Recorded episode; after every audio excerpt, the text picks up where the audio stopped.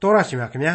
ခရိယန်တွေအများစုဟာတနင်္ဂနွေနေ့ဆိုရင်ဖျားဝတ်ပြုကိုးကွယ်ရာဖျားเจ้าဗိမာန်တော်စီကိုတွားရောက်စုယုံကြပြီးဖျားဝတ်ပြုကိုးကွယ်မှုပြုကြပါတယ်ဒါပေမဲ့လို့ဖျားကိုဝတ်ပြုကိုးကွယ်ဖို့အတွက်ဖျားเจ้าကိုတွားကြတဲ့ခရိယန်တွေထဲမှာနတ်ကာယာကြီးမော့ဆိုသလိုလူတွေကိုလိုက်ကြည့်ပြီးအိမ်ပြန်ကြတဲ့သူတွေရှိကြပါတယ်မျက်စိကိုဇွတ်မိတ်ထားရင်ကိုယ့်ကိုယ်ကိုပြန်ကြည့်ပြီးတော့အိမ်ပြန်သွားကြတဲ့သူတွေလည်းပါပါတယ်။ ဒါဆိုရင်ဖះရှင်ကိုဝတ်ပြုကိုးကွယ်ရမှာမှန်ကန်သောဝတ်ပြုကိုးကွယ်ခြင်းဆိုတာဘာလဲ။ခရိယန်တွေဖះရှင်ကိုယုံကြည်ကိုးကွယ်ကြတာဟာဘာကြောင့်လဲဆိုတော့မိကွန်းတွေရဲ့အဖြစ်အစုံအလင်နဲ့အတူခရိယန်တမန်ကျမ်းဓမ္မောင်းကျမ်းပိုင်းမှာပါရှိပြီးဇာလံကျမ်းတွေထဲမှာနောက်ဆုံးဖြစ်တဲ့အခု150မြောက်သောဇာလံကျမ်းလေ့လာမှုဒုတိယပိုင်းအဖြစ်နဲ့ဒီကနေ့တင်ပြရသောတမန်ကျမ်းအစီအစဉ်မှာလေ့လာမှာဖြစ်ပါတယ်။ လောကုတ္တရာအရေးနဲ့ပတ်သက်လို့လူဒန်းစားနှမျိုးရှိတဲ့အကြောင်းကိုလည်းထည့်သွင်းရှင်းလင်းခြင်းနဲ့အတူဆာလံကျမ်းတွေထဲမှာနောက်ဆုံးဖြစ်တဲ့အခု150မြောက်သောဆာလံကျမ်းလေ့လာမှုဒုတိယပိုင်းအဖြစ်နဲ့ဒေါက်တာထွန်းမြတ်ရေးကအခုလိုသုံးသပ်တင်ပြထားပါတယ်။တင်ပြရသောတမန်ကျမ်းရဲ့လေးစားအပ်ပါသောမိတ်ဆွေတော်တတ်ရှင်အပေါင်းတို့ခမညာဒီကနေ့အစီအစဉ်ကတော့ဆာလံတီချင်းတို့ကိုခွဲခွာနှုတ်ဆက်ရမယ်150ခုမြောက်သောဆာလံရဲ့ဏိဂုံးသင်ခန်းစာပဲဖြစ်ပါတယ် အလွန်တရာမှအတိတ်ပဲကျေဝန်းနေဆိုင်လှတဲ့ကျမ်းခက်ခက်ခဲခဲလေ့လာရတဲ့ကျမ်းများကိုကျွန်တော်ဟာလာပေါင်းများစွာကြာအောင်လေ့လာခဲ့ကြရပါတယ်အဲ့ဒီအချိန်ကာလအတွင်းမှာဒီသင်ခန်းစာပေါင်းများစွာတို့ကိုအဓိကဥဆောင်မှုပေးသွားတာကတော့ဘုရားသခင်ကိုတော်တိုင်ပဲဖြစ်ပါတယ်သူ့ရဲ့တန်ရှင်းသောဝိညာဉ်တော်အဖြစ်ကျွန်တော်တို့ကိုသူသိစေခြင်းတဲ့အချက်ပေါင်းများစွာတို့ကိုဖော်ပြသွားခဲ့တယ်လို့ကျွန်တော်ဆိုချင်ပါတယ်မိတ်ဆွေအပေါင်းတို့ခမညာဆာလံတီချင်းတို့ရဲ့အဓိကအနှစ်ချုပ်ကတော့ ဟာလေလုယာဆိုတဲ့ကျေးဇူးတော်ချီးမွမ်းခြင်းပဲဖြစ်တယ်လို့ကျွန်တော်ဖော်ပြခဲ့ပါတယ်အဲ့ဒီလိုကျေးဇူးတော်ချီးမွမ်းခြင်းဆိုတာဟာလေလူရဲ့နှလုံးသားရဲ့ယုံကြည်ကိုးကွယ်ခြင်းမှာအရင်တည်ပြီးမှသာဖြစ်နိုင်တဲ့အရာမို့လို့ဘုရားသခင်ကိုယုံကြည်ကိုးကွယ်ခြင်းအကြောင်းကိုကျွန်တော်တို့ဟာပြီးခဲ့တဲ့သင်ခန်းစာမှာအလေးအနက်လေ့လာခဲ့ကြပြီးပြီဖြစ်ပါတယ်ဟုတ်ပါတယ်ယုံကြည်ကိုးကွယ်ခြင်းဆိုတာဟာဘာလဲယုံကြည်ကိုးကွယ်သောသူများဟာ ဘယ်လိုလူမျိုးတွေလဲဆိုတာကိုကျွန်တော်တို့လေ့လာခဲ့ကြပြီးပါပြီဒီကနေ့အဖို့မှာတော့ယုံကြည်ကိုးကွယ်တာဟာဘာကြောင့်လဲဆိုတဲ့အချက်ကိုကျွန်တော်တို့ဆက်ကြရမှာဖြစ်ပါတယ်ယုံကြည်ကိုးကွယ်ခြင်းဟာဘာကြောင့်ဖြစ်တယ်ဆိုတဲ့အဖြေကိုရှာဖွေသွားကြရမှာဖြစ်ပါတယ်အဲ့ဒါဟာတခြားမဟုတ်ပါဘူးဟာလေလုယဘုန်းတော်ကြီးလားဟာလေလုယအာမင်ဆိုပြီးတော့ကျွန်တော်တို့ကျေးဇူးတော်ချီးမွမ်းနေကြတာဟာဘာကြောင့်ဖြစ်တယ်လဲဆိုတဲ့မိကွန်းနဲ့အတူတူပါပဲ အခု150ခုမြောက်သောဆာလံဟာကျွန်တော်အားလုံးရဲ့ကိုစားဘုရားသခင်ကိုအခုလိုချီးမွမ်းထောမနာပြုလိုက်ပါတယ်။တန်ရှင်းရာဌာနတော်၌ဘုရားသခင်ကိုချီးမွမ်းကြလော့။ဘုန်းတော်ထင်ရှားရာကောင်းကင်မျက်နှာကျက်ပေါ်မှချီးမွမ်းကြလော့။ထူးဆန်းသောတကိုးတော်များကြောင့်ဘုရားသခင်ကိုချီးမွမ်းကြလော့။အလွန်တရာကြီးမြတ်တော်မူခြင်းရှိသည့်အတိုင်းချီးမွမ်းကြလော့။တဘိုးမှုတ်လျက်ဘုရားသခင်ကိုချီးမွမ်းကြလော့။တယောနှင့်စောင်းကိုတီးလျက်ချီးမွမ်းကြလော့။ပတ်သာတီးလျက် ကခုံလျက်နှင့်ချီးမွမ်းကြလော့ကျိုးနှင့်ပြည့်စုံသောတူရိယာကိုတီးလျက်နှဲခရာကိုမှုတ်လျက်ချီးမွမ်းကြလော့အသံကျဲသောတန်လွင်ကိုတီးလျက်ချီးမွမ်းကြလော့အကြီးဆုံးသောလင်းကွင်းကိုလည်းတီးလျက်ချီးမွမ်းကြလော့အသက်ရှိသောသူအပေါင်းတို့သည်ထာဝရဘုရားကိုချီးမွမ်းကြစေဟာလေလုယာအဲ့ဒီလိုကျွန်တော်တို့ချီးမွမ်းကြရမှာဖြစ်ပါတယ်ဒါတောင်မှအဲ့ဒီဆာလံဟာဒီကနေ့အတွက်ပြီးပြည့်စုံမှာဖြစ်ပေမယ့်တဲ့ပြည့်စုံသောဟာလေလုယာကို ကကာလကုံဆုံးပြီးတဲ့နောက်ခရစ်တော်ကယ်တင်ရှင်ကောင်းကင်နိုင်ငံတော်ကိုတည်ထောင်အုပ်စိုးတဲ့အချိန်မှာဆက်လက်ဆိုကြဖို့ရှိနေသေးတယ်ဆိုတာကိုလေကျွန်တော်တို့နားလည်ထားခဲ့ကြပြီးဖြစ်ပါတယ်ကျွန်တော်ဒီအကြောင်းကိုပြီးခဲ့တဲ့သင်ခန်းစာပေါင်းများစွာမှာကလေးကရှင်းပြခဲ့ပြီးပါပြီဘာကြောင့်အခုလိုချီးမွမ်းထောမနာပြုကြရသလဲဘာကြောင့်ဘုရားသခင်ကိုအခုလိုကိုးကွယ်ဝတ်ပြုကြရသလဲဆိုတဲ့အကြောင်းများကိုအခုဆက်လက်လေ့လာသွားကြပါအောင်စို့ပြီးခဲ့တဲ့သင်ခန်းစာကိုသေချာပြန်စဉ်းစားလိုက်ရင် ဘုရားသခင်ဟာဖန်ဆင်းရှင်ဖြစ်တော်မူတယ်ကယ်တင်ရှင်လည်းဖြစ်တယ်ကျေးဇူးတော်ချီးမွမ်းခြင်းကိုသူဟာနှစ်ချိုက်တယ်သူ့ကိုမကိုးမကွယ်မပြတ်မဝတ်တာကို तू မကြိုက်ဘူးဒါကြောင့်သူ့ကိုကိုးကွယ်ကြရတာဖြစ်တယ်ဆိုတဲ့အဖြေတွေကိုဒီအပိုင်းမှာတွေးရောရှက်တင်ထည့်သွင်းလို့ရပါတယ်ဒါပေမဲ့ဒီတဲ့မကသေးပါဘူးဒီတဲ့ပို့ပြီးတော့လေးနဲ့တဲ့အချက်တွေးဟာကျွန်တော်တို့အဖို့ကြံရစ်နေသေးတယ်လေ့လာဖို့လိုနေသေးတယ်လို့ကျွန်တော်ဆိုချင်ပါတယ်ရှေးခေတ်ဓမ္မဆရာသူတေပီကြီးတူဖြစ်ခဲ့တဲ့ Chrysostom ဆိုတဲ့ပုဂ္ဂိုလ်ကြီးကကောင်းကင်တမန်တို့ကဘုန်းတော်ကိုကြွေးကြော်ပေးတယ်ချီးမွမ်းထောမနာကိုအသံမြင့်ဟစ်ကြွေးရတယ်သူတို့ဟာသူတို့ရဲ့ကျေးဇူးတော်ချီးမွမ်းခြင်းကိုးကွယ်ခြင်းမှာမိမိတို့ရဲ့ဝိညာဏအတောင်ပံများနဲ့ကိုယ့်ကိုယ်ကိုကွယ်ဖွဲ့ထားကြရတယ်ကျွန်တော်လူတ attva များကတော့ဘုရားသခင်ရဲ့ဘုန်းတော်ကိုချီးမွမ်းကြရမှာအံ့ဘွယ်လိလိဖြစ်ရပါပြီဆိုတဲ့အသည့်တရားမျိုးလောက်နဲ့မျှတာမထိတထိချီးမွမ်းတယ်ဆိုယုံသာရှိတယ်ဆိုတာကိုဖော်ပြလိုက်ပါတယ် Chrysostom ရဲ့အယူအဆဟာအခုပြစ်ဆက်ကကာလအထိတော့သိမ့်မလွဲလှဘူးလို့ကျွန်တော်တော့ထောက်ခံနေပါတယ်။ဒီကနေ့ကျွန်တော်တို့ယုံကြည်သူခရိယန်တွေဟာအသင်းတော်ကိုသွားကြတယ်။ဖျားရှိခိုးကြောင်းကိုအချိန်မှန်တက်ပြီးတော့ဝတ်ပြုကူးကွယ်ကြတယ်။အဲ့ဒီအထဲကမှတဝက်သောပရိသတ်အပေါင်းတို့ဟာနတ်ကရာကြီးမောဆိုသလိုလူတွေကိုလိုက်ကြည့်ပြီးတော့အိမ်ပြန်ကြတယ်။တဝက်သောလူများကတော့မျက်စိကိုဇွတ်မိတ်ထားပြီးတော့ကိုယ့်ကိုယ်ကိုပဲပြန်ကြည့်နေကြတယ် ဒါဟာမှန်ကန်သောပြတ်ဝတ်ကိုးကွယ်ခြင်းမဖြစ်နိုင်ဘူးဆိုတဲ့ခံစားချက်ကျွန်တော်ယင်ထဲမှာတရှိနေမိပါတယ်တိ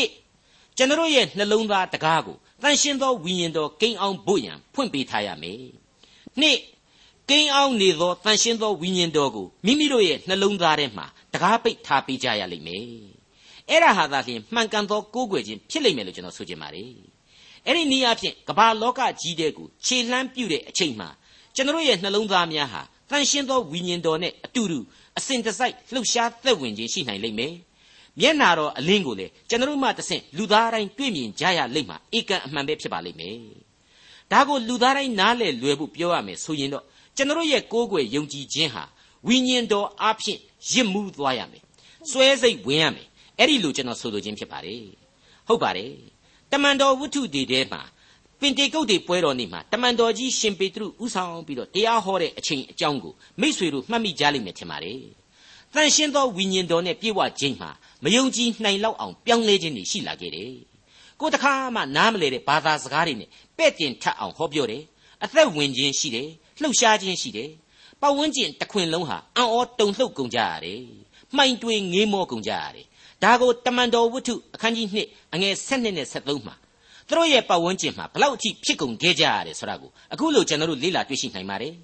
ထိုလူအပေါင်းတို့သည်မိန်မောတွေးတောသောစိတ်ရှိသည်နှင့်ဤအမှုအရာသည်အဘယ်သို့သောအမှုအရာဖြစ်သည်ဟုတယောက်ကိုတယောက်ပြောဆိုကြ၏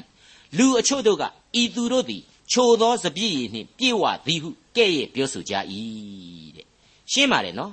မသိနားမလဲတဲ့လူတွေကဒီလူတွေအရက်တွေမူယူကုန်ပြီလားလို့တွေးတယ်ဆိုတဲ့အထိ ယုံကြည်သူတွေဟာတန်ရှင်းသောဝိညာဉ်တော်အဖြစ်အစွဲကပ်ကုန်ကြရတယ်ရစ်မှုကုန်ကြရတယ်ဆိုတဲ့အဓိပ္ပာယ်ဖြစ်ပါတယ်ဒါဟာအသင်းတော်စတင်တည်ထောင်ဖို့လိုအပ်တဲ့အချိန်မှာလိုအပ်သလိုဝိညာဉ်တော်ဟာပါဝင်လှုပ်ရှားပေးခြင်းပဲအဲ့ဒီအချိန်ကစလို့လေအင်မတန်ခိုင်မာတောင့်တင်းတဲ့ယေရုရှလင်အသင်းတော်ကြီးဆိုတာဟာဘွားကနေစတင်ဖြစ်တည်လာခဲ့တာပါပဲမိတ်ဆွေအပေါင်းတို့ခမညာ ကိုးကွယ်ဝတ်ပြုခြင်းနဲ့ပတ်သက်ပြီးတော့သမိုင်းကပေးခဲ့သောအချက်၃ချက်ကိုကျွန်တော်ဒီနေရာမှာတင်ပြခြင်းပါတယ်အဲ့ဒါတွေကတော့1 prostration သို့မဟုတ်ညှို့ပြတ်ဝတ်တွားအသနာခံခြင်း2 adoration သို့မဟုတ်မျက်နှိုးချစ်ခင်ခြင်းနဲ့3 exaltation ချီးမြှင့်ခြင်းပဲဖြစ်ပါတယ်အဲ့ဒီအချက်တွေတဲကပထမအချက်နဲ့ပတ်သက်တဲ့ညှို့ပြတ်ဝတ်တွားအသနာခံခြင်းဆိုတဲ့ပုံစံကိုလူအတော်များများကပေါ့ပြက်ပြက်သဘောထားကြပါတယ် မလိုပါဘူးကွာစိတ်ထဲကယုံကြည်ရင်းရှိရင်ပြီးတာပဲမဟုတ်ဘူးလားကုံယုံပြီးရှ िख ိုးရင်စိတ်ထဲကမဟုတ်တန်တရားတွေတွေးနေရင်အပိုပဲဆိုတဲ့အတွေးခေါ်မျိုးခန်းစားချက်မျိုးကလာတဲ့မှားယွင်းခြင်းပေါ့ပေါ့ပြက်ပြက်ဖြစ်ကုန်ခြင်းပေါ့ရေပုံရအားဖြင့်တော့သူတို့တွေးတာမမှန်ဘူးလားဆိုရင်မှန်တယ်ဒါပေမဲ့နောင်တနှိမ့်ချတဲ့စိတ်ကျိုးပဲ့ကြေးမွာသောနှလုံးသားတွေဟာရှိကိုရှိရမယ်ဆိုတာကိုကျွန်တော်အထက်ထက်ကြားနာခဲ့ကြပြီးပါပြီကိုယ့်ရဲ့ဘုရားသခင်ရှေ့တော်မှောက်မှာဒူးထောက်ဖို့မသင့်ဘူးလား ခေါင်းငုံဖို့ကောမလိုတော့ဘူးလားလို့ကျွန်တော်တွေးမိပါတယ်ကိုယ့်ရဲ့ဖျားသခင်ဟာအနန္တတကုရှင်ဖြစ်နေတယ်မဟုတ်ဘူးလားသူ့ရှေ့မှာကျွန်တော်တို့ဒူးထောက်ဖို့သင့်တယ်ခေါင်းငုံဖို့လိုတယ် Greek ဘာသာစကားနဲ့ proskuneo ဆိုတဲ့ဒူးထောက်ခြင်းဟေဘရဲဘာသာစကားနဲ့ hashta hawa လို့ခေါ်တဲ့ခေါင်းငုံခြင်းဆိုတာတွေဟာအလကားထွင်ထားတာတွေမဟုတ်ပါဘူးလူသားတွေရဲ့ကိုးကွယ်ခြင်းမှာခန္ဓာကိုယ်ကိုခြေသုပ်ပစိုးမွေဆွဲကြိုးပမာ နှိမ့်ချသောအနေအထားမှာမလွဲမသွေထားဖို့လိုအပ်ကြောင်းကိုကျွန်တော်တို့ဒီနေရာမှာအလေးအနက်သဘောပေါက်ထားကြရပါလိမ့်မယ်ကျွန်တော်ရဲ့နှုတ်ကပတ်တော်ကဗျာဒိတ်ကျမ်းမှာကောင်းကင်နိုင်ငံတော်အကြောင်းကိုသိအများကြီးတော့မဖော်ပြပါဘူးဒါပေမဲ့ကောင်းကင်နိုင်ငံတော်နဲ့သက်ဆိုင်ပြီးတော့ပုံဖော်လိုက်တိုင်းမှာအဲ့ဒီကောင်းကင်နိုင်ငံတော်သားတို့အနေနဲ့ဘုရားသခင်ကိုမော်လို့မကြည့်ဘူးနှိမ့်ချခြင်းအမြဲရှိကြတယ်ဆိုတာကိုဗျာဒိတ်ကျမ်းမှာအထင်ရှားတွေ့ရပါတယ်အဲ့ဒီတော့ ဘုရားသခင်ကိုနှိမ့်ချယိုကျိုးစွာမကိုးကွယ်နိုင်ခြင်းရင်တော့မကိုးကွယ်ခြင်းကြရင်တော့ကောင်းကင်နိုင်ငံတော်အမွေကိုခံယူဖို့ခဲရင်လိမ့်မယ်ဆိုတာကိုကျွန်တော်တို့အတိတ်ပဲဖွင့်ဆိုလိုပါတယ်ဒုတိယအချက်ကတော့ adoration လို့ခေါ်တဲ့မျက်နှိုးချစ်ခင်စွာကိုးကွယ်ခြင်းလိုအပ်ချက်ဖြစ်ပါတယ်မိษွေတို့သိပြီးတဲ့အတိုင်းပဲသူသည်ငါ့ကိုချစ်သောကြောင့်သူ့ကိုငါကယ်နှုတ်မည်ဆိုပြီးတော့60ခုမြောက်သောဆာလံအငယ်14မှာတော့ကျွန်တော်တို့တွေ့ကြရပါတယ်အဲ့ဒီလိုပါပဲ50ခုမြောက်သောဆာလံမှာကျတော့ အငယ်1ကနေ6အတွင်းမှာစုံမဲ့ခြင်းနဲ့နှစ်သက်ခြင်းဆိုတဲ့ဝေါ်ဟာရနှစ်ချက်ကိုအဓိကတွေ့ရပါတယ်ဒါဝိဒ်သည်ဘာသရှေဘနှင့်မှားယွင်း၍ပရောဖက်နာသန်၏ဆုံးမခြင်းကိုခံပြီးမှဆက်ဆိုသောဆာလံ။အိုဖျားသခင်ဂျေဇုပြုကျင်သောစေတနာစိတ်တော်ရှိသည့်အတိုင်းအကျွန်ုပ်ကိုသနာတော်မူပါ။စုံမဲ့တော်မူခြင်းဂိယူနာများပြားသည်နှင့်အညီအကျွန်ုပ်လွန်ကျူးခြင်းအပြစ်ကိုဖြေတော်မူပါ။ဒုစရိုက်အညစ်အကြေးကိုအကုန်အစင်ဆေးကြော၍အကျွန်ုပ်ကိုတန့်ရှင်းစေတော်မူပါ။ အကျွန်ုပ်လွန်ကျူးပါပြီဟုဝန်ခံလျက်ကိုအပြစ်ကိုအစင်မပြတ်အောက်မေ့လျက်နေပါ၏။ကိုတော်ကိုပြစ်မှားပါပြီ။ကိုတော်ကိုသာပြစ်မှား၍မျက်မှောက်တော်၌ပင်မတရားသောအမှုကိုပြုပါပြီ။တို့ဖြစ်၍စီရင်တော်မူချက်သည်ဖြောင့်ပါ၏တရားစီရင်တော်မူချက်သည်အပြစ်လွတ်ပါ၏အကျွန်ုပ်သည်မွေးစားကပင်အပြစ်ပါလျက်ရှိပါ၏အမိဝန်းထဲမှပရိသေယူစဉ်ပင်အပြစ်ဆွဲပါ၏ဟုတ်မှန်ဖြောင့်မှတ်သောစိတ်နှလုံးကိုနှစ်သက်တော်မူသည်ဖြစ်၍ အကျွန်ုပ်၏စိတ်နှလုံးထဲမှပညာကိုသွန်သင်တော်မူပါတဲ့အဲ့ဒီလိုပါပဲ36ခုမြောက်သောဆာလံရဲ့အငယ်9နဲ့9မှာကြတော့အိုးထာဝရဖေဟာဂယုနာတော်သည်ကောင်းကင်သို့၎င်းသစ္စာတော်သည်မိုးတိမ်သို့၎င်းမိပါ၏။အိုဖျားသခင်ဂယုနာတော်သည်အလွန်မြတ်နိုးပွေဖြစ်ပါ၏။ထို့ကြောင့်လူသားတို့သည်အတောင်တော်အရေးကိုခိုလှုံလျက်နေကြပါ၏တဲ့။အဲ့ဒါဟာဖျားသခင်စီမှာရှိတဲ့မေတ္တာသဘောပဲ။ ဒါကိုဒါဝိမင်းကြီးရဲ့တုံ့ပြန်သံကိုကျွန်တော်တို့က63ခုမြောက်သောဆာလံမှာကြည်နူးပွေပြန်လည်ပြီးတွေ့နိုင်ပါသေးတယ်။63ခုမြောက်သောဆာလံအငယ်1မှ3ဒါဝိဒ်သည်ယူဒတော၌ရှိသောအခါဆက်ဆူသောဆာလံအိုဖျားသခင်ကိုတော်သည်အကျွန်ုပ်၏ဖျားသခင်ဖြစ်တော်မူ၏ကိုတော်ကိုကြိုးစား၍ရှာပါ၏ရေမရှိသွေ့ချောက်သောလွင်ပြင်၌အကျွန်ုပ်၏ဝိညာဉ်သည်ကိုတော်ကိုငတ်ပါ၏အကျွန်ုပ်၏ကိုခန္ဓာသည်လည်းကိုတော်ကိုလွတ်ဆွတ်ပါ၏ ဘုံတကောအာနုဘော်တော်ကိုမြင်ခြင်းဟာတန်ရှင်းရာဌာနတော်၌ထိုသို့ကိုတော်ကိုဖူးမြော်ပါပြီဂယုနာတော်သည်အသက်တည်းသာ၍ကောင်းသောကြောင့်အကျွန်ုပ်နှုတ်သည်ကိုတော်ကိုချီးမွမ်းရပါမည်ကဲဒီတော့ဘုရားသခင်ကိုကိုးကွယ်ရမှာမျက်နှိုးခြင်းရှိရမယ်ဆိုတာဟာပေါ်လွင်နေပြီမဟုတ်ဘူးလားအင်္ဂလိပ်သချင်းတစ်ပုဒ်ထဲမှာ till ဆိုတဲ့သီချင်းကိုကျွန်တော်အင်မတန်မှဆွဲလန်းမိပါတယ် My darling I adore you you are my reason to live ဆိုတဲ့အချက်ပါဝင်ပါတယ်မင်းကြောင့်သာကိုဟာရှင်သန်နေရခြင်းဖြစ်တယ်မင်းကိုပဲကိုကိုးကွယ်ပါရစေတဲ့အလွန်ထင်ရှားတဲ့အချက်သချင်းကလေးတစ်ပုဒ်ပါအတိတ်တရားအလင်္ကာသာဖြစ်တဲ့အဲ့ဒီလူသားရဲ့အချစ်ပွဲအတိုင်းချစ်ကြပြီးတော့နောက်ဆုံးကျတော့သေကွဲကွဲကြရတယ်ဘဝမသေးခင်ကတည်းကလည်းတချို့ရှင်ကွဲကွဲကုန်ကြရတယ်လူဘဝဆိုတာကိုကျွန်တော်တို့စဉ်းစားဖို့ကောင်းပါတယ်အမှန်တကယ်ကိုယ့်ကိုချစ်တဲ့မေတ္တာ ကိုကလည်းကိုးကွယ်တိုက်သောအချစ်များနဲ့ချစ်ရမှာဟာကိုယ့်ကိုဖန်ဆင်းတော်မူသောအရှင်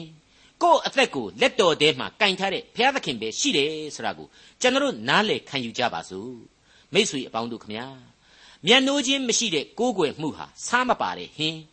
အနှွေးတတ်မပါတဲ့အလင်းအယောင်မရှိတဲ့သက်တတ်နဲ့တူတယ်လို့ကျွန်တော်လေးနဲ့စွာခံယူမိပါတယ် Gregory Nazianzen ဆိုတဲ့ပုဂ္ဂိုလ်ကြီးကဘယ်လိုပြောတယ်လဲဆိုရင် ငါဟာဘုရားသခင်ကိုသိတဲ့အတွက်ကြောင့်ဘုရားသခင်ကိုချစ်တယ်သူ့ကိုနားလေနိုင်တဲ့အတွက်ကြောင့်လေငါဟာကိုးကွယ်နေခြင်းဖြစ်တယ်တဲ့ဘလောက်ကောင်းတဲ့အတွေ့အခေါ်လဲဟုတ်ပါတယ်ဘုရားသခင်ကိုယ့်ကိုချစ်တယ်ဆိုတာကိုသိတဲ့အတွက်ကိုဟာဘုရားသခင်ကိုချစ်ခင်မြတ်နိုးရမှာဖြစ်တယ်လို့ကိုယ့်အသက်တာကိုသူဟာနားမလည်နိုင်လောက်အောင်လွှမ်းမိုးနေတဲ့အတွက်ကြောင့်လေကျွန်တော်တို့အနေနဲ့ဘာမှမတတ်နိုင်ဘူးကိုးကွယ်ကြရမှာသာဖြစ်တယ်ဒါဟာကလေးအုံနှောက်နဲ့တောင်မှလွယ်လွယ်ကလေးစဉ်းစားခံယူနိုင်တဲ့အချက်ပါပဲ အခုဆက်လက်တင်ပြရမှာကတော့ချီးမြှောက်ခြင်းရှိရမယ်ဆိုတဲ့တတိယအချက်ဖြစ်ပါတယ်ယုံကြည်ကိုးကွယ်ရမှာ exaltation သို့မဟုတ်ချီးမြှောက်ခြင်းဆိုတာဟာအရေးအလွန်ကြီးတဲ့တတိယအချက်ကြီးပါအမှန်မှလူလူချင်းမြှောက်ပင့်ပေးတာမျိုးကိုမဆိုလိုပါဘူးသွေးထိုးပေးတာမျိုးကိုမဆိုလိုပါဘူးဘုရားသခင်ကိုအဲ့ဒါမျိုးလဲသွားလုပ်လို့မရနိုင်ပါဘူးစောစောပိုင်းကဖော်ပြခဲ့တဲ့အတိုင်းပဲမြင့်မြတ်သောအနန္တတကုရှင်ဘုရားသခင်ကိုယိုသေးစွာပြတ်ဝတ်တယ် ခြေတုပ်ပစိုးမွေဆွဲကြိုးပမာနှိမ့်ချခြင်းအပြည့်အဝနဲ့ဥချတယ်ဆိုရင်ဒါဘုရားသခင်ကိုထိုက်တန်စွာချီးမြှောက်လိုက်တယ်နဲ့အတူတူပါပဲသင်သိရသောတမန်ကျမ်းရဲ့မူရင်းကိုရေးသားသူဒေါက်တာဂျေဗန်မက်ဂီကတော့လူသားဝါဒဆိုပြီးတော့အရန်ခစ်စားလာနေတဲ့ရာစုနှစ်တစ်ခုလောက်အတွင်းဒသနအတွေးခေါ်တွေးဟာသိပ်ပန်ခစ်တိုးတက်ခြင်းနဲ့အတူအကြီးအကျယ်ခေါင်းထောင်လာကြတယ်အဲ့ဒီလိုလူသားဝါဒဆရာဟာဖျားမဲ့တဲ့အဆင့်အထိရောက်သွားတဲ့အခါကျတော့ လူသားဟာကိုယ်တွင်းကိုကိုယ်တူးတယ်လို့ဖြစ်ရတယ်ဘလောက်ပဲလူနေမှုအဆင့်အတန်းတွေမြင့်လာနေနေဘုရားသခင်မပါဝင်တဲ့လူသားကောင်းစားရေးကြွေးကြော်သံအပေါင်းတို့ဟာဆုတ်ကပ်ရဲ့လက္ခဏာများတာဖြစ်တယ်လို့ပြက်ပြက်သားသားဖော်ပြလိုက်ပါတယ်နောက်တစ်ခုကတော့အဲ့ဒီလိုလူသားဗราဏလူသားအဓိကဆိုတဲ့ခံယူချက်တွေဟာနားထောင်လို့ကတော့အင်မတန်ကောင်းတယ်ဒါပေမဲ့လူအချင်းချင်းကိုဖျားတဆူဂူတလုံးကိုးကွယ်မတတ် ဖောက်ပြန်ပျက်စီးပြောင်းလဲခြင်းတွေဖြစ်လာစေနိုင်တယ်လို့လည်းသူ့ရဲ့ယုံကြည်ချက်ကိုဖော်ပြလိုက်ပါတယ်ဟုတ်ပါတယ်လူတွေကလူတစ်ယောက်ဖြစ်တဲ့ဒေါက်တာဂျေဗန်နန်မက်ဂီရဲ့အဆိုဟာအကျွင်းမဲ့သစ္စာတရားမဖြစ်နိုင်တဲ့တိုင်အောင်သမိုင်းကိုပြန်ကြည့်လိုက်မယ်ဆိုရင်အဲ့ဒီဆိုးကြိုးပေါင်းများစွာနဲ့ဒီကမ္ဘာသမိုင်းကိုပြန်ပြီးတော့ဝန်းနေပွဲတွေ့ရမှာကတော့အမှန်ပါပဲဒေါက်တာဟယ်ရီအီမာဆန်ဆိုတဲ့ဓမ္မပညာရှင်ကြီးတယောက်ကသူ့ရဲ့စာအုပ်တုပ်ထဲမှာခရစ်တော်ကိုလူသားဟာနီလန်းနှစ်သွယ်နဲ့ရင်ဆိုင်ကြတယ်တိ သူ့ကိုတတ်ပစ်ခြင်းနှစ်သူ့ကိုကိုးကွယ်ခြင်းတဲ့အဲ့ဒီနီလန်းနှစ်သွယ်ဖြစ်တယ်လို့သူဆိုပါတယ်ဟုတ်ပါတယ်ခရိယန်ဆိုတဲ့နာမတော်ကြီးကိုခေါင်းတက်ထားတဲ့အပိုင်းအဝိုင်းထဲမှာတောင်းမှခရစ်တော်ကိုသိပ်ပန်နီးမကြကြအောင်ဖန်တီးတာ ड़ी နှုတ်ကပတ်တော်ကိုစိတ်ကြိုက်ပြင်ဆင်ခြင်းတွေဟာခရစ်တော်ကိုသတ်ခြင်းနဲ့အတူတူပဲဖြစ်ပြီးတော့အင်မတန်ကြောက်မဲ့ဖွယ်အပြစ်ကြီးဖြစ်စေတယ်လို့ကျွန်တော်အလေးအနက်ခံယူမိပါတယ်ကျွန်တော်ယုံကြည်သူမှန်သမျှဟာ ခရစ်တော်ကိုပြတ်ဝတ်ကိုးကွယ်ဖို့ပဲရှိပါတယ်ပရမတ္တသစ္စာသဘောအရာဘုရားသခင်ကိုအခုလိုပြတ်ဝတ်ကိုးကွယ်ရလို့ကိုယ့်ဘက်မှာနာတာဆိုလို့ဘာမှမရှိနိုင်ပါဘူးအရှံပဲသောကျေးဇူးတော်ကိုခံယူရမယ်မင်္ဂလာရှိသောသူဖြစ်လာရစေပါလိမ့်မယ်ကျွန်တော်ဒီအပိုင်းမှာခရစ်တော်ဆန့်ကျင်ရေးသမားခရိယန်မုံကြီးရေးဝါဒီကြီးရှောလူဘဝကနေပြီးတော့ကမ္ဘာသမိုင်းကထိတ်တန်းသာသနာခေါင်းဆောင်ကြီးဖြစ်လာသူပေါလုရဲ့ပြောင်းလဲခြင်းအကြောင်းကိုပြန်ပြီးတော့သတိရမိပါတယ်တမန်တော်ဝတ္ထုအခန်းကြီး9 အငယ်1ကနေ9အတွင်းမှာပြန်ပြီးကြည့်ကြပါစို့ရှောလူသည်ကသခင်ဖျားဤတပည့်တော်တို့တစ်ဖက်၌ချင်းချောက်၍အသေးသက်ချင်းဟာပြင်းစွာအသက်ရှူသဖြင့်ထိုဘာသာဝင်သောယောက်ျားမိန်းမတို့ကိုတွေ့လျင်ချီနှောင်၍ယေရုရှလင်မြို့သို့ပို့ဆောင်ရမည်အကြောင်းဓမ္မသက်မြို့၌ရှိသောတရားစရမှုထံသို့မှားစာကိုပေးပါဟုယေပရောဟိတ်မင်းထံသို့ဝင်၍တောင်းပြီးမှသွား၍ဓမ္မသက်မြို့အနီးသို့ရောက်သောအခါကောင်းကင်တဲကအလင်းသည် သူ့ပတ်လည်၌ရုတ်ခနဲထွန်းတောက်လေ၏ရှောလူသည်မြေပေါ်မှလဲ၍နေစဉ်ရှောလူရှောလူအဘယ်ကြောင့်ငါ့ကိုညှင်းဆဲသနည်းဟုမိမိအားပြောသောစကားသံကိုကြားလျင်သခင်ကိုတော်သည်အဘယ်သူနည်းဟုမေးလျှောက်၏သခင်ဖျားကလည်းငါကသင်ညှင်းဆဲသောယေရှုဖြစ်သည်သို့တော်လည်းထ၍မြို့သို့ဝင်လော့သင်ပြုရမည်အမှုကိုပြောလိမ့်မည်ဟုမိန့်တော်မူ၏ရှောလူနှင့်အတူသွားသောသူတို့သည်အသံကိုကြားယုံမျှသာရှိ၍ အဘယ်သူကိုမျှမမြင်ဘဲမိန်မောတွေ့ဝေလျက်ရပ်နေကြ၏ရှောလူသည်လည်းမြေမှထ၍မျက်စိကိုဖွင့်တော်လေအဘယ်သူကိုမျှမမြင်နိုင်သည်ဖြစ်၍သူ၏လက်ကိုဆွဲလျက်ဓမ္မသက်မြို့သို့ပို့ဆောင်ကြ၏သုံးရက်ပတ်လုံးမျက်စိမမြင်မစားမသောက်ဖဲနေလေ၏တိကောင်းကင်အလင်းချက်ချင်းထွန်းတောက်လာတယ်နှစ်မြေပေါ်မှာလဲပြူကျသွားစေတယ်သုံးအမိန့်တော်နဲ့ပြောင်းလဲစေတယ်လေးမြေပေါ်ကနေပြန်လဲထစေတယ် ငါအပြစ်ဒဏ်နဲ့အတူလက်တွဲဖို့အထောက်အကူပေးတယ်ဆိုတဲ့အချက်တွေဟာရှင်းနေတာပါပဲကျွန်တော်မှတ်မှတ်သားသားရှိအောင်လို့တကြော့ပြန်ပြီးတော့တင်ပြပါရစေတိကောင်းကင်အလင်းထွန်းတောက်တယ်နှစ်မြေပေါ်မှာလဲပြိုသွားစေတယ်သုံးအမိန့်တော်အဖြစ်ပြောင်းလဲစေတယ်လေးမြေပေါ်ကနေနိုးထစေတယ်ငါအပြစ်ဒဏ်နဲ့အတူကောင်းကြီးမင်္ဂလာအထောက်အကူပြုလိုက်တယ်ဆိုတဲ့အချက်တွေဟာရှင်းနေပါတယ် ကျွန်တော်ယုံကြည်သူတို့အဖို့အသက်တာဟာယခုဘဝအဖို့ကောနောင်ကာလအဖို့ပါလဲပြိုရာမှတဖန်ပြန်လဲထရခြင်းဆိုတာဟာရှိစမြဲကြီးဖြစ်ပါတယ်ပြီးတဲ့နောက်အပြစ်ဒဏ်နဲ့အတူကောင်းကြီးမင်္ဂလာကိုခံစားရခြင်းသူဤစေစားခြင်းကိုခံယူရခြင်းဆိုတာဟာရှိစမြဲဖြစ်ပါလေဗျာဒိတ်ကျမ်းအခန်းကြီး1အငယ်16ကနေ19အတွင်းမှာလေပတ်မှုဆိုတဲ့ကျွန်းကိုရောက်နေတဲ့ယောဟန်ဟာ ခရစ်တော်ကိုမြင်ရတဲ့အချိန်မှာဘယ်လိုဖြစ်ခဲ့ရတယ်ဆိုတာကိုအခုလိုအချင်းချင်းမျှပြန်ပြီးတော့တွေ့နိုင်ပါတယ်သူ့ကိုငါမြင်ရသောအခါသေမတတ်ဖြစ်၍ခြေတော်ရင်း၌လဲလျက်နေ၏သူသည်လက်ရလက်တော်ကိုငါအပေါ်မှာတင်လျက်ကြောက်ရွံ့ခြင်းမရှိနှင့်ငါသည်အသက်ရှင်သောသူဖြစ်၏သင်မြင်ပြီးသောအရာယခုလက်ရှိအရာနောင်ဖြစ်လက်တန်သောအရာတို့ကိုရေးသားလောတဲ့အဲ့ဒီလိုတွေ့ရခြင်းပါမိษွေတော်တတ်ရှင်အပေါင်းတို့ခမညာဆာလံတီချင်းရဲ့အတိတ်သင်ခန်းစာတွေမှာခ ရစ်တော်ရဲ့အကျိုးနဲ့ခံစားခဲ့ရသောသိချင်းဝေဒနာတို့ဟာကျွန်တော်ရဲ့ကယ်တင်ခြင်းအကျိုးကျေးဇူးအတွက်ကြီးမားစွာကောင်းကြီးပေးလိုက်တယ်ဆိုတာကိုကျွန်တော်တို့တွေ့ကြရပြီဖြစ်ပါတယ်တနည်းအားဖြင့်တော့ခရစ်တော်ရဲ့အနာခံခြင်းဟာကျွန်တော်တို့အသာဆန်ဖို့ခရစ်တော်ရဲ့ဝန်းနဲ့မျက်ရည်ကျရခြင်းဟာကျွန်တော်တို့ရှင်လန်းဝမ်းမြောက်ဖို့ခရစ်တော်ရဲ့အဆက်တကွဲအကျိုးနဲ့ခံစားရသောဒုက္ခဝေဒနာအလုံးတို့ဟာ ကျွန်တော်တို့အတွက်ကယ်တင်ခြင်းစုကျေးဇူးသာဝရအသက်လမ်းကိုရောက်ရှိစေဖို့ပဲဖြစ်တယ်ဆိုတာကိုကျွန်တော်တို့တွေ့ကြရပြီးပါပြီဒီတော့ခရစ်တော်ကိုချီးမွမ်းထောမနာပြုခြင်းဆိုတာဟာတခြားမဟုတ်ဘူးကို့အပြစ်ရှိခြင်းကိုကိုယ်တိုင်သိမြင်ပြီးတော့သူ့ကိုကိုးကွယ်ဝတ်ပြုခြင်းပဲဖြစ်တဲ့အကြောင်းအဖြေကိုရှင်းလင်းစွာနားလည်စေပါတယ်အဲ့ဒီလိုညှို့ပြတ်ကိုးကွယ်ခြင်းဟာလေဘသူအတွက်မှမဟုတ်ပါဘူးကို့အတွက်ပါပဲကိုဟာအပြစ်သားဖြစ်နေတယ်မဟုတ်ဘူးလား ဇာတိပဂရိအယလောကရန်သိခြင်းကိုတနေ့မှမလွဲမသွေရင်ဆိုင်ရမယ်မဟုတ်ဘူးလားဒါပေမဲ့အသက်ရှင်တော်မူသောအဖဖျားသခင်ဟာသူဖန်ဆင်းထားတဲ့လူသားအတွင်းမှာသူကိုယ်တိုင်မှုတ်သွင်းပေးထားတဲ့ဝိညာဉ်ရှိတဲ့အတွက်ကြောင့်သူချစ်တယ်ကယ်တင်ရှင်ယေရှုကိုပြုကျင်တယ်ဒါကြောင့်မလို့မိမိလူစားတိကိုခံယူပြီးတော့လူလောကကိုဆင်းမိမိရဲ့အသေးခံခြင်းအပြင်ဒီကယ်တင်ခြင်းကိုပြုပေးထားပါတယ်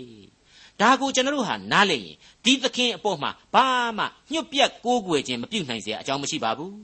ဒီသခင်ပေးတဲ့အသက်သာလျှင်ကျွန်တော်တို့အတွက်တခုတည်းသောမျှော်လင့်ရာဖြစ်ခဲ့ရပြီဒီတော့ဒီသခင်ကိုယုံကြည်ကိုးကွယ်ရခြင်းဒီသခင်ကိုချီးမြှောက်ခြင်းညှုတ်ပြက်ကိုးကွယ်ခြင်းအပေါင်းတို့ဟာအသက်ရှင်တော်မူသောအနန္တတကုရှင်ထာဝရဘုရားသခင်အတွက်စိုးစင်းမြအရသာတစ်ခုခုကိုမဖြစ်ပေါ်စေနိုင်ပါဘူးလူသားအတွက်သာလျှင် ထာဝရအသက်နဲ့ရှင်သန်ခြင်းအတွက်ဖြစ်တယ်ဆိုတာကိုအလေးအနက်ခံယူနားလည်သဘောပေါက်ထားဖို့လိုပါတယ်မိษွေတော်တတ်ရှင်အပေါင်းတို့ခမညာအနန္တတကုရှင်ဘုရားသခင်ကိုအပြစ်လူသားတို့ရဲ့ချီးမွမ်းသံများဟာသမိုင်းအဆက်ဆက်ပြေဝစုံလင်ခြင်းမရှိနိုင်ပါဘူးတကွက်မဟုတ်တကွက်မှာတော့ကြောင်နေစမြဲပဲဖြစ်တယ်ကျိုးတကြိုးမဟုတ်တကြိုးမှာတော့အမြဲယော့နေစမြဲပဲဖြစ်တယ်ဒါကြောင့်ခရစ်တော်ရဲ့ဒုတိယအကြိမ်ကြွလာတော်မူခြင်းမှာတော့အဲ့ဒီအားနည်းချက်တို့ဘာမှမရှိနိုင်တော့ဘူး ပြီးပြည့်စုံသွားပြီအဲ့ဒီအချိန်ကာလဟာလေလုယဟာသာဖြင့်ပြည့်စုံသောဟာလေလုယဖြစ်နိုင်မယ်လို့ကျွန်တော်ပြောခဲ့တဲ့အတိုင်းဒီနေရာမှာထပ်မံအတည်ပြုပြရစီအခုချိန်မှာတော့ကျွန်တော်ဟာပြေဝစုံလင်သောဟာလေလုယကိုသီကျူးဖွဲ့ဆိုနိုင်ခွင့်ရမယ်ကကာလကိုတွေးတောစဉ်းစားပြီးတော့လင်္ကာလေးတစ်ပုဒ်ကိုစတ်ဆူပြခြင်းပါတယ်အဲ့ဒါကိုတော့အသက်လန်းသူဆိုပြီးတော့ကျွန်တော်နာမည်ပေးခြင်းပါတယ်အပြစ်သမိုင်းတန်စင်လှိုင်းတို့ ထံကရိုင်းကြတပ်ပါရဖြင့်ထာဝရဂျေစုဂုံတော်ဥကိုကျူးရင်ပြိုင်ပြီးမြေလုံးညီတော်ပြည်တော်အသစ်ဆန်းတခက်၌ပြည့်မြူမသန်အသက်လန်းသို့ဖြောင့်တန်းတက်ရောက်ချိန်တကားဟုတ်ပါတယ်အပြက်လန်းနဲ့အသက်လန်းနှစ်သွဲမှာခရစ်တော်ဒုတိယအကြိမ်ကြွလာတော်မူပြီဆိုရင်တရားစီရင်ပြီးတဲ့နောက်စာရမဏတ်ကိုအပြီးတိုင်ခြေမှုံပြီးပြီဆိုရင်အသက်လန်းတစ်ခုသားလျင်ရှိတော်မှာဖြစ်ပါတယ် မိษွေတော်တတ်ရှင်အပေါင်းတို့ခမညာဆာလံတီချင်းအမှတ်စဉ်တစ်ကိုကျွန်တော်ဆိုပြပါရစေအောင်ဒီဆာလံအမှတ်စဉ်တစ်ဟာအလွန်အရေးကြီးတဲ့အတွက်ကြောင့်အမှတ်စဉ်တစ်နေရာမှာရှိနေခြင်းဖြစ်ပါတယ်စာရမဏတ်ရဲ့ဘက်ကိုလိုက်သွားတဲ့မတရားသောသူနဲ့ကယ်တင်ရှင်သခင်ခရစ်တော်ရဲ့ဘက်ကမင်္ဂလာရှိသောလူတို့ရဲ့တယုတ်နှစ်ခုကိုရှင်တွဲဖော်ပြထားတဲ့ဆာလံဖြစ်နေပါတယ်ဒီဆာလံဟာအဖွင့်ဆာလံသာဖြစ်လို့ဝေးစွာကြံခဲ့ပြီးဖြစ်ပေမယ့်အခုဏိဂုံးကမ်းမှာ ပြန်လေအသက်သွင်းဖို့လိုလာပါပြီ